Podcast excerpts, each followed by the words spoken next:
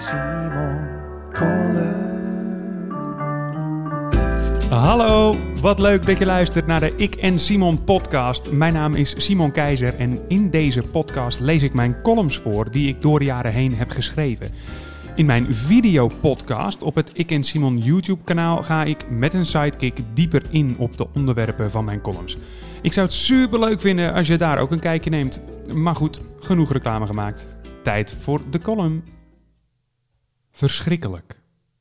Van april 2017 tot april 2018 heb ik wekelijks gevlogd. Elke vrijdag om 12 uur was het moment waarop er een nieuwe weekvlog op het Nick en Simon YouTube kanaal verscheen.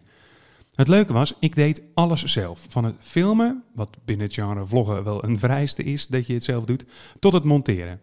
Vooral aan dat laatste beleefde ik veel plezier. Aan de hand van urenlang tutorials kijken wist ik een eigen manier van editen te ontwikkelen.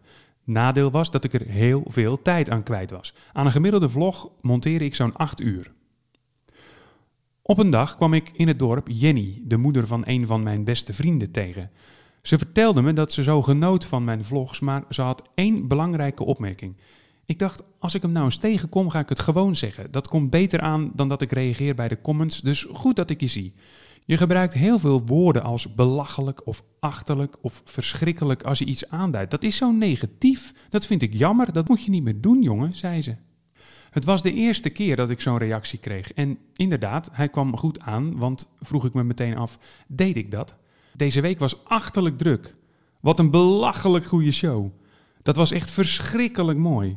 Ja, dat deed ik. Maar ik had mijn weerwoord meteen klaar. Eigenlijk zijn de meeste, zo niet alle, woorden die je gebruikt om iets moois kracht bij te zetten, negatief. Dat versterkt het positieve alleen maar meer. Onwijs, erg, afgrijzelijk, verschrikkelijk, ongelooflijk. Allemaal woorden die in de kern negatief zijn. Ik vond het wel verfrissend dat Jenny er bewust voor had gekozen om te wachten met haar reactie, om die uiteindelijk face-to-face -face te vertellen. Ik vind het een jammerlijke tendens dat mensen die elkaar gewoon kennen, dus vrienden of geliefden, onder elkaars post openbaar met elkaar communiceren.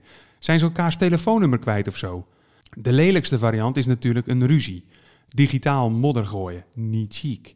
Maar ik begrijp ook de lieve variant niet. Dat geliefde A onderweg is naar huis, dat post op Instagram en dat geliefde B daaronder reageert met ik kan niet wachten.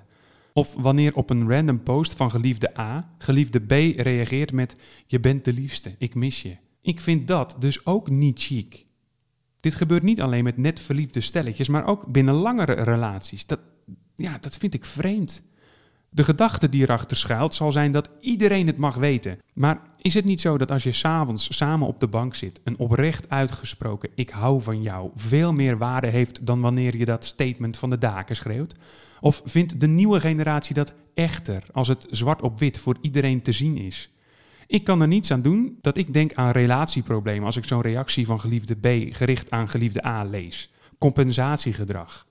En natuurlijk plaats ik Annemarie op social media ook wel eens op een liefdesvoetstuk, wanneer het onze trouwdag is of iets dergelijks. Maar zelfs dan richt ik me eigenlijk niet eens tot haar, maar vertel ik over haar. Het is een nuance. Haar vertel ik s'avonds op de bank dan dat ze onwijs, ontzettend, verschrikkelijk, belachelijk, afgrijzelijk, achterlijk lief en mooi is.